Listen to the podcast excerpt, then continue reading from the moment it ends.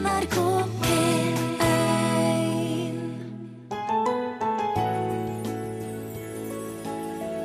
Men vi er jo, vi er jo, vi er jo egentlig rovdyr. Vi er jo bare, menneske, vi er jo bare dyr med en utrolig god hjerne. Det er jo bare så enkelt. Det her er Eva. Hun er på vei inn i buret for å hente ut tigeren sin, Carla. Eva hun stoler mer på rovdyrene sine enn på menneskene. En dag så falt jeg, og tigeren var over meg. Og tigeren slikka meg på nesen, og jeg kunne gå opp. Og Da viser det total tillit. Vi blir med når magikeren Eva tar tigeren ut av buret og gjør seg klar til neste sirkusnummer. Kona har forlatt meg, jeg har mista jobben, og eh, huset har brent ned. Jeg kunne si det høyt for meg selv uten at eh, det gjorde noe vondt i det hele tatt. Jeg kunne bare kjenne liksom, en mer intens, boblende glede som var under overflaten, som jeg var veldig i kontakt med. Det som fra utsida kunne se ut som en katastrofe, skulle vise seg å være starten på noe godt. Vi møter varsleren Meras hos oss i dag. Eva, som vi skal møte nå, hun fikk en idé på Halvdan Hansens metallverksted i Harstad på 60-tallet. Omreisende sirkusfolk stakk innom pappas verksted for å reparere forskjellige innretninger som de brukte i forestillingene sine. Eva var ikke store jenta den gangen, men du verden, hun ble inspirert.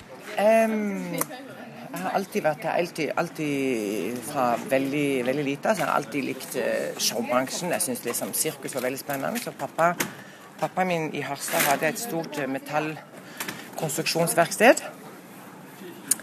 Og da ble vi liksom, når Arnardo og Bernie kom forbi, så ble vi alltid invitert på sirkus, for de hadde alltid noe som skulle repareres. Og min pappas eh, firma reparerte alltid ting, og da ble vi alltid satt på fine plasser. Og da var jeg tre-fire år gammel, og da har jeg alltid elska dyr. Og så hadde jeg veldig lyst til å prøve ut og se hvordan det liksom var å jobbe med dette her. da. Så en dag så kommer jeg til min elskede mamma, som bor i Kristiansand nå og har bodd her i 40 år. Hun, så kommer jeg til mamma og så sier jeg til mamma det at mamma, jeg har veldig lyst til å prøve, og før jeg liksom fortsetter å utdanne så har jeg veldig lyst til å prøve å jobbe i sirkus. Så sier min elskede, meget kloke mamma så sier hun, Eva, hvis det skal gjøre deg lykkelig, så skal du prøve det. Så open-minded person. Nå, 45 år senere omtrent, så kan man sitte på en stol på Nasjonalsirkuset i Riga i Latvia f.eks. og se Eva opptre. Eva går ut i manesjen. Hun har svarte lærstøvletter opp til halvveis på låret. En lang, svart Dracula-kappe med høy krage. Platinoblond, kort sveis og svære bevegelser. Gjennom en av sine magiske bokser stikker Eva lange, brennende fakler, sånn at vi alle skal forstå at det er ikke plass til noe levende vesen av størrelse inni der. Eva tryller bort ei dame, tryller fram en ulv isteden. Små og store hunder popper ut og inn av boksene hennes. Det er ikke til å tro.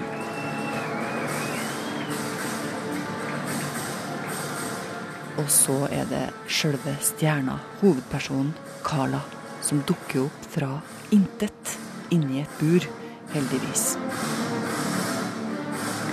Eva og den 250 kilo tunge tigeren Carla står bare noen meter unna oss. Eva åpner døra til buret. Carla går ut i manesjen. Det er ingen sikring mellom den bengalske tigeren og publikum.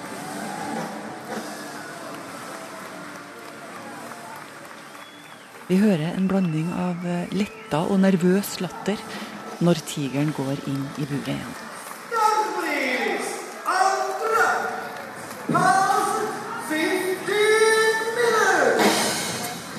Pause i forestillinga. Sirkusdirektøren kommer og ber oss bli med bak kulissene. Jeg har med meg min 13 år gamle sønn Peder, og har sagt klart fra til han på forhånd at han får ikke lov å være i samme rom som rovdyrene hvis de ikke er i bur. Hei sann, der er du. Du må komme litt klær. For en verden. Her går det et esel forbi, liksom. Og der står det en løve. En hvit løve. En hvit løve. Og det er din. Jeg er helt klissvåt. Beklager så mye. Det er så varmt her, vet du. Eva skal nå klargjøre sin bengalske tiger til neste sirkusnummer. Og uten at eh, vi skjønner helt hva som har skjedd, så står vi like ved når Eva skal gå inn i buret til 250 kilo tunge Carla. Eller så går det til eh, Her er du Carla. Carla. Det er mammas jente. Ja. Hun er ni år gammel. Du skal inn dit nå, eller? Her ligger det en diger eh, kjøttbit. Carla skal over i en av Evas magiske bukser. Very good now. Ok, Nå skal Carla ut. Hun er en ni år gammel stjerne som har gjort masse TV og sånne ting, og filmer. Alle blir litt stille og konsentrert.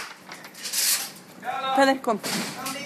Carla er ute av buret. Carlita, hva skal vi jobbe?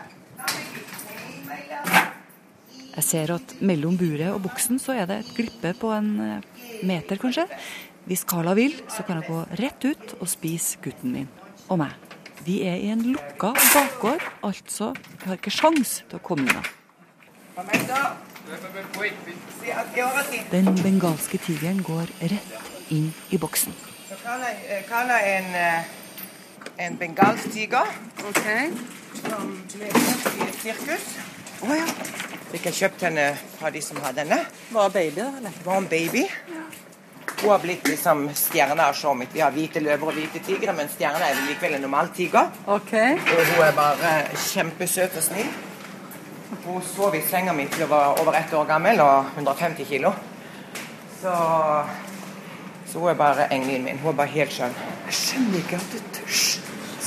Er kjempenifst. Nei, det er ikke noe nifst i det hele tatt, men du skjønner det som er veldig viktig. Altså, jeg, jeg, jeg, driver, jeg jobber i, denne gang i et faststående sirkus, men altså 30% av mine jobber er i sirkus, 70% er med nattklubber, kabareter, TV, eh, kasino og sånne ting. Og altså, alle disse dyrene her må du ta deg tusenvis av timer til. Tusenvis av timer, Du må tilbringe masse tid på de, masse kjærlighet. Har ingen pisker, har ingenting, ingen, bruker ingenting sånne ting i det hele tatt.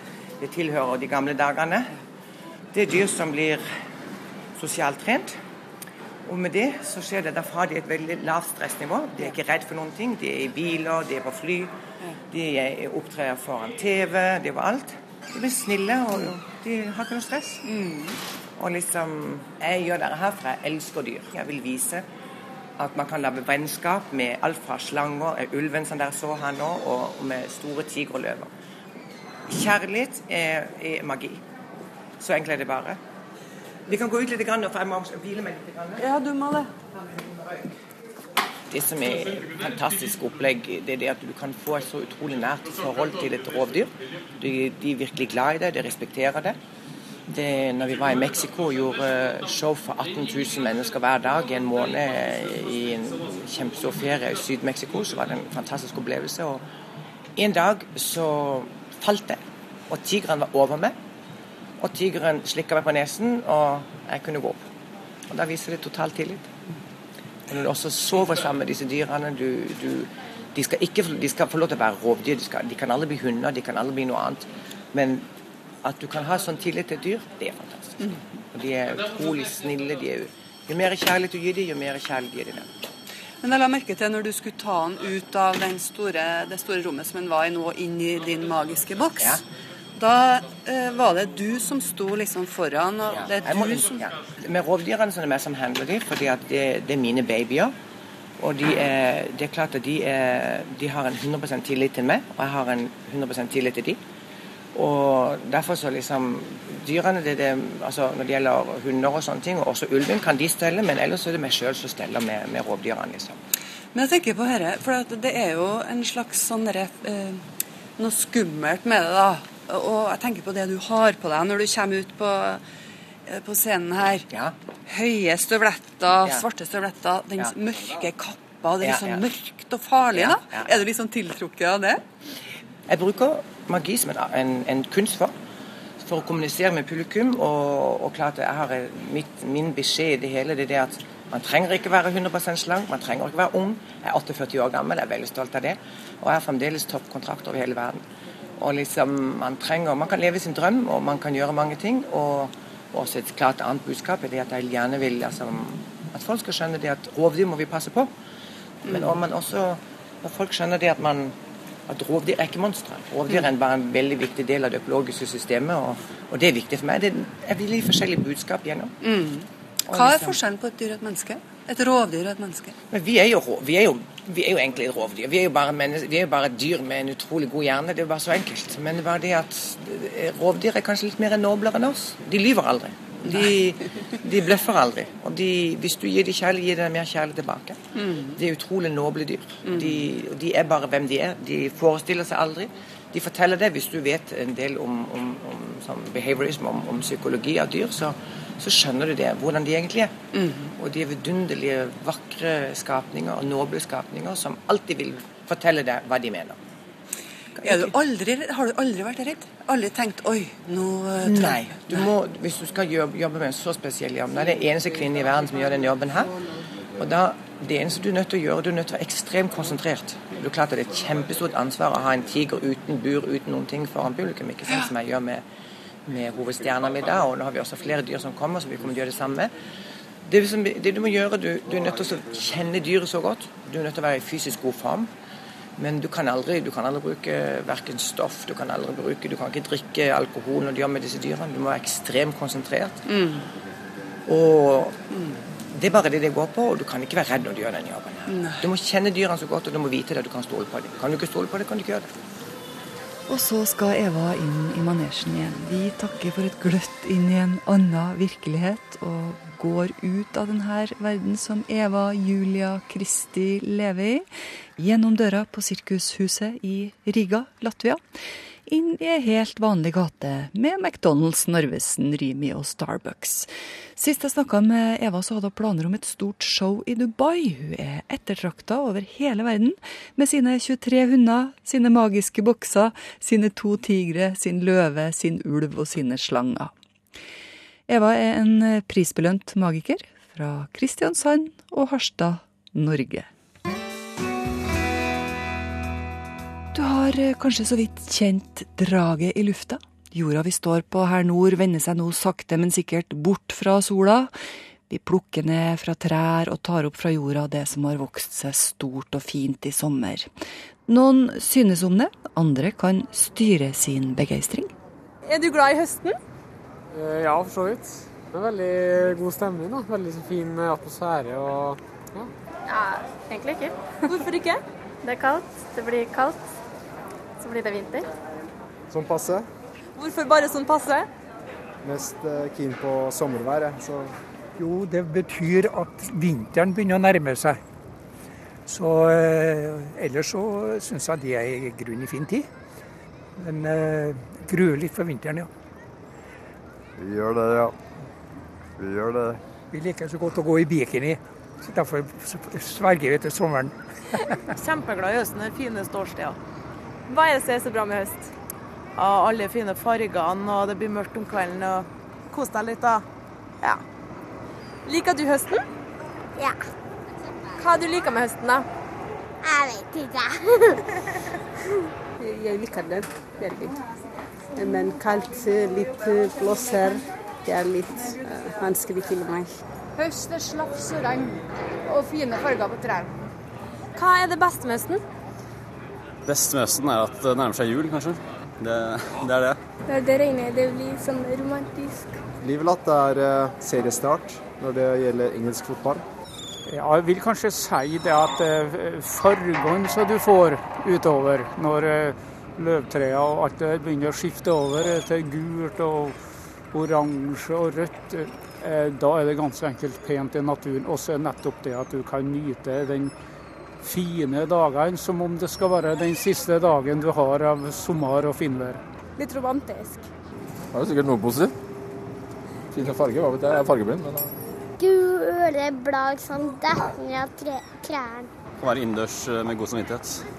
Blir det kaldt om høsten, da? Ja. Er det bra? Eh, nei. Men vet du hva som er sånn synd for hesten? At vi ikke får spist is og gå naken i badeklær. Reporteren som vandra ute i høstgatene i Trondheim, var Benedikte Bjørkmo. Hva er det som bestemmer identiteten vår? Er det utdanninga eller jobben, familien, pengene? Eller er det kanskje noe helt annet? Tenk deg at du mister alt det ytre og står ribba tilbake. Hvem er du da? Meras Rafat kan eh, gi et svar, men bare ut fra sine egne erfaringer. Som ettertrakta siviløkonom så sto han eh, på toppen av sin yrkeskarriere da han røyk uklar med ledelsen på jobben, og ble forespeila oppsigelse. Så, som om ikke det var nok, så ba kona om skilsmisse og mens han var utplassert i Nicaragua og hadde leid ut huset sitt hjemme i Norge, så skjedde enda noen ting som fikk tilværelsen til å rakne. Og da var det ekskona mi som ringte og sa at uh, huset har brent ned, og, at jeg skulle gå inn på nettutgaven på Aftenposten, hvor det var bilde av huset, hvor, uh, hvor, det var natt og uh, hele huset sto i flammer med alle møblene og eiendelene og alle klærne våre som var lagra der, alle bøkene, eh, CD-samlingen osv. Så, så Så jeg kunne nesten fornemme det fysisk. Det var liksom som om noe inni meg bare smuldra bort og, og nærmest uh, forsvant i en slags uh, uh, røyksky. Um, og jeg ble liksom veldig tvunget til å være der i nuet. Det var vanskelig å eh, se verken framover eller bakover. Eh, jeg reiste et par dager senere fra Nicaragua til eh, Cuba og reiste på stranda der. Samme dag så var det en minibank som hadde slukt bankkortet mitt. Og eh, det andre kortet mitt hadde blitt blokkert. Så jeg satt bare med noen sånne lokale cubanske pesos og så utover. Og uh, tenkte med meg selv at uh, alt det jeg hadde kjempet for, utdannelse, jobb, det å bygge opp en familie, det å være vellykket, ha en prestisjefylt posisjon i samfunnet, penger karriere osv. i løpet av noen få måneder eh, var lagt i grus. Men eh, idet jeg så utover det havet og lyttet til bølgene Det er turkisblått, og det skinner, og det, det har en helt særegen kraft. Så, så da jeg kom dit, så kunne jeg nesten fysisk kjenne at eh, eh, havet på en måte dro ut den mørke kraften som jeg bar på, og at jeg ble veldig lett av det. Og jeg vil nærmest kalle det lykke.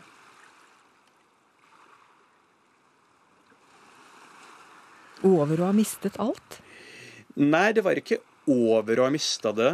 Det var liksom mer at jeg kjente at uh, den virkelige lykken, eller min virkelige væren eller essens, egentlig ikke avhenger av de tingene som var gått tapt.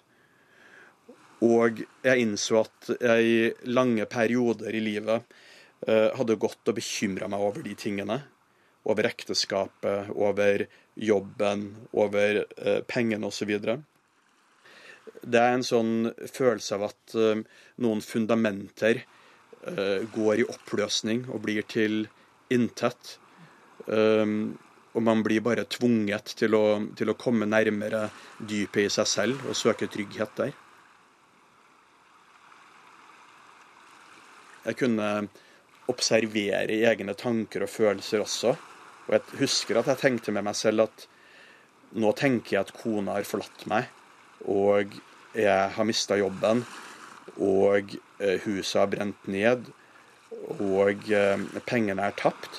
Jeg kunne si det høyt for meg selv uten at eh, det gjorde noe vondt i det hele tatt. Jeg kunne bare kjenne liksom, en mer intens, boblende glede som eh, var under overflaten, som jeg var veldig i kontakt med.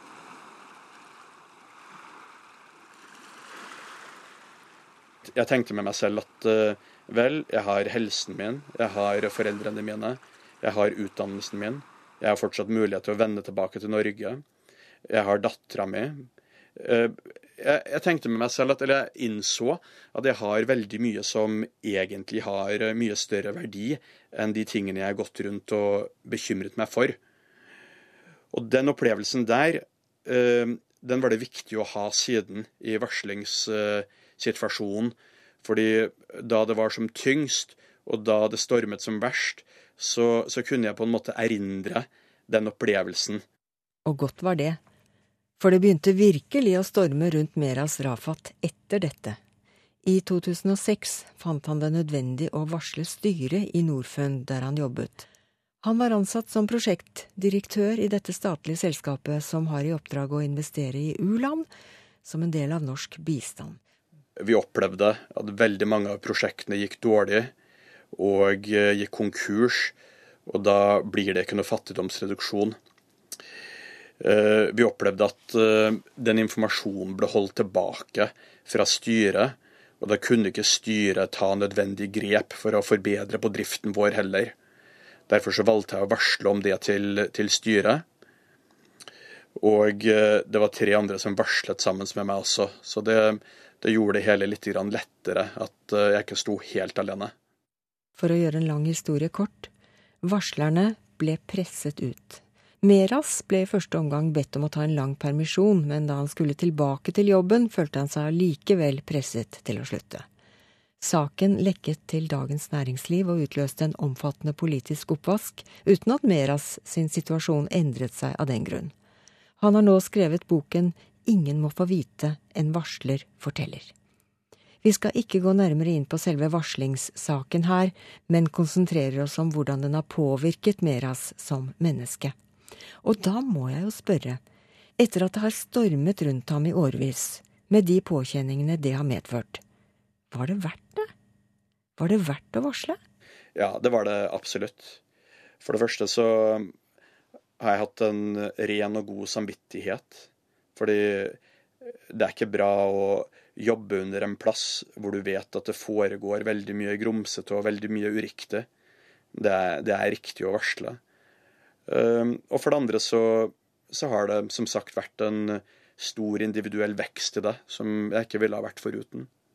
Nå uh, har det nesten blitt sånn som uh, enkelte ganger når man har et mareritt, så midt under marerittet så innser man at det er en drøm. Og så fortsetter likevel drømmen, men man har en dypere bevissthet der. Fordi jeg innså at alle de merkelappene jeg hadde hatt på meg selv, eh, hadde forsvunnet. Jeg var lenger ikke en direktør, jeg var lenger ikke en huseier, jeg var lenger ikke en ektemann.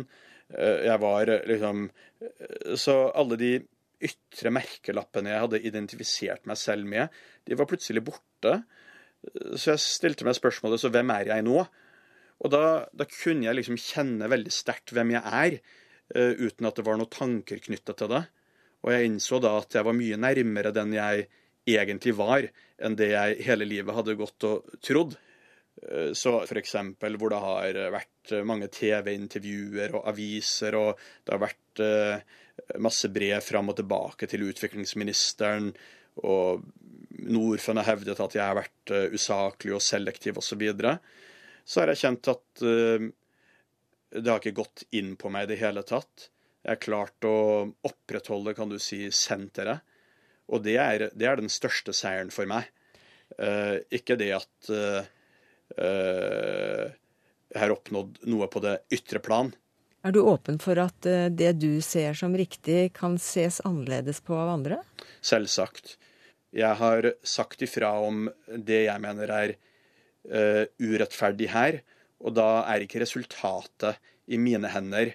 Da må jeg på en måte ha en tillit til at skjebnen uh, bringer det som er riktig. Men hvis det nå skulle altså vise seg at du ikke får støtte i din uh, historie, din varslingshistorie, du føler ikke at du mister ansikt, eller at det er sånne ting som vil plage deg resten av livet? Jo, det kan godt hende jeg mister ansikt. Kanskje stoltheten min tar skade. Kanskje jeg går og tenker på det en periode. Men i bunn og grunn så gjør det ingenting for min eh, personlige, kan du si, åndelige vekst, som til syvende og sist er det viktigste. Jeg tenker noen gang, Miriam, at uh, hele universet oppsto jo fra intet. Og, og, en dag så skal det trekke sammen igjen, og alt skal bli til intet igjen. Og sånn, sånn er livet også. Vi, vi, kommer fra intet, og så vokser vi og akkumulerer, og en dag så dør vi. Så, så vi er her bare en veldig kort periode uansett. Men, eh, men eh, jeg har jo opplevd veldig sterkt da, at eh, vi, vi, har en del av oss som er tidløs, som er hinsides begynnelse og slutt. Og da, i det perspektivet, så, så blir de ytre omstendighetene ikke så veldig viktige. Det sier Meraz Rafat, som nylig har gitt ut boka 'Ingen må få vite'. En varsler fortelle. Siste ord eh, i denne saken er ennå ikke sagt, men eh, uansett utfall så går Meras nå videre i livet, og han er fortsatt engasjert i å hjelpe mennesker i den tredje verden.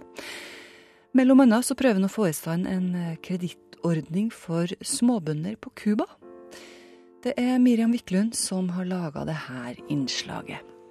NRK P1 Ordkløyverne er på plass. En humanist, en kristen og en muslim tar for seg et nytt begrep. Panelet. Jeg heter Kari Weiteberg. Jeg liker godt å gå, så joggesko er en av mine favorittsko, faktisk. Ja, jeg heter Didrik Søderlind og har en sans for engelsk fottøy. Jeg er også helt skallet, men kompenserer med skjegg og snurrebart. Jeg heter Josef eh, Gilani, bruker briller, liker å se på cricket. I dag om engler. Det, det finnes gode engler som beskytter oss. Jeg trodde englene fanns bare, bare i himmelen. Ja. Har du sett noen på jorda? Eller? Ja, jeg har jo vokst opp med sånn bilde over senga, da. Mm. Med, med sånn bru hvor det gikk en sånn lite To forskremte barn, og så sto det en engel. Og veldig mange jeg har møtt, har òg vokst opp med sånne bilder. Jeg tror på, på noen som beskytter. Jeg vet ikke om mine engler har vinger, mm. men, eh, men, jeg tror på, på, på, vern og beskyttelse. Og at det, at det, står, det står englene for. Og jeg har møtt for mange folk som uh, sier at uh, engler fins, til å si at jeg ikke tror at de fins. Hva sier du, Didrik? Ja, nei, jeg eh, tror nok ikke på engler eller den typen ting, så jeg kan bare observere det utenfra. Jeg kan jo forholde meg til engler som altså, mytologiske skapninger som kan være gode metaforer på ting. Det kan jeg. Altså I Bibelen så dukker jo englene opp framfor de avgjørende historiene. Litt sånn sendebud? De kommer med Sendebud. Da er de datidens postbud, ja. eller budbærere. Og det er vel derfor òg de har blitt utstyrt med, med vinger.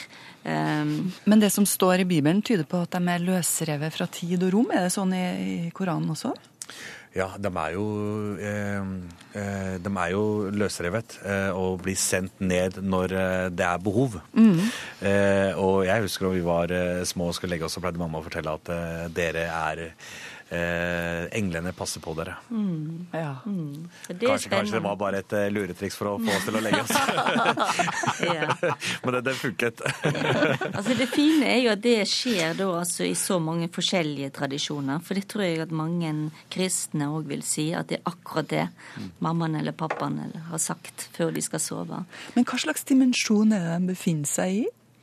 Har dere tenkt noe på det? Nei, det er faktisk ikke. Det er vel mer den at eh, er, Jeg forbinder en veldig godhet med englene. Mm. Mm. Og de gangene, eller hver natt når jeg lå, skulle legge meg og fikk vite at englene passet på meg, så mm. følte jeg meg veldig trygg. Mm. Og det var den tryggheten jeg vokste på, og det er den troen som har liksom utviklet seg eh, og, gjort meg en del til majoritetssamfunnet. Mm. Eh, med gode verdier, gode holdninger og en religion jeg kan være stolt av. Eh, og deriblant også engler som har en stor del av den oppveksten jeg har hatt, som jeg sa innledningsvis. Mm. Så sånn sett så er når englene kan fungere som trygghet, så er det jo bare fint. Men når englene blir en sånn veldig stor industri, som vi kanskje har sett en del av i, i nyere tid, mm. da, da, da syns de ikke det fungerer så godt. Men samtidig som det blir en stor industri, så Ja. blir det også en eh, veldig sånn vanlig greie, da. Er ikke det fint? All, all religion produseres i Kina. Det er jo en big business. Det er jo alt, alt av de religiøse elementene vi ser rundt omkring i verden, det er jo, det, er jo bare forretning. Men dette var en veldig god forretnings... Men dette her var en veldig god forretningsidé, da, tydeligvis. Den har jo slått an overalt. I alle religioner. I folketro, New Age. Er det universelt? Er det noe som fins? Er det derfor det slår an, eller er det, var det bare en god idé? Didrik? Jeg tror nok alle religioner som har en idé om en opphøyet gud, trenger et slags sånn mellomledd. Mm. Uh, og på samme måte som du også ser i hinduismen eh, noe som minner om Kristusfortellingen, med, med guder som inkarneres på jorden som avatarer. Men, men eh, jeg vet ikke. altså For meg så hører jo englene hjemme i den delen av mennesket som har behov for symboler og myter.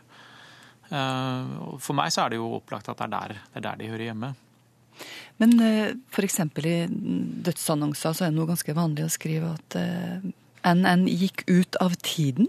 Mm. Kommer vi på samme sted som eh, England da? Ikke da? Jeg hadde jo bare visst det, så. Jeg tror jo engler nettopp står for at eh, Gud har gått inn i tiden. At det nettopp ikke handler ut om tiden, men at dette streifet av en engel, denne engelen som plutselig oppstår, det handler om, om et guddommelig streif. Det handler om at en, at en plutselig kjente at, at en blei tatt hånd om, eller at en kjente en type trygghet. Så, så jeg tror nok at akkurat engler, det, det er ganske mer denne siden enn det en tenker opprinnelig. Altså, vi Ja. snakker ikke så mye at vi skal opp til englene når en går ut av tiden. Så engel er faktisk mer inn i tiden, tror jeg. Ja. Ja. Og jeg tenker mer at jeg møter mine eh, mine foreldre, besteforeldre, kanskje folk jeg aldri har sett før, enn at jeg møter engler. De er faktisk ikke så opptatt av ut av tiden. Jeg er mer opptatt av engler i tiden. I tiden, ja. Og Derfor er mine engler òg som regel lagd av et litt annet materiale enn en hvitt og bomull. De oppstår litt sånn opp av eh, betong og nede i gatene. De er spennende, skjønner du. Ja. Ja. Har du noe å si til oss, ta kontakt på himmel Margrethe Nåvik takker for eh, oppmerksomheten. Ha en riktig god søndag. Med NRK Radio, for eksempel.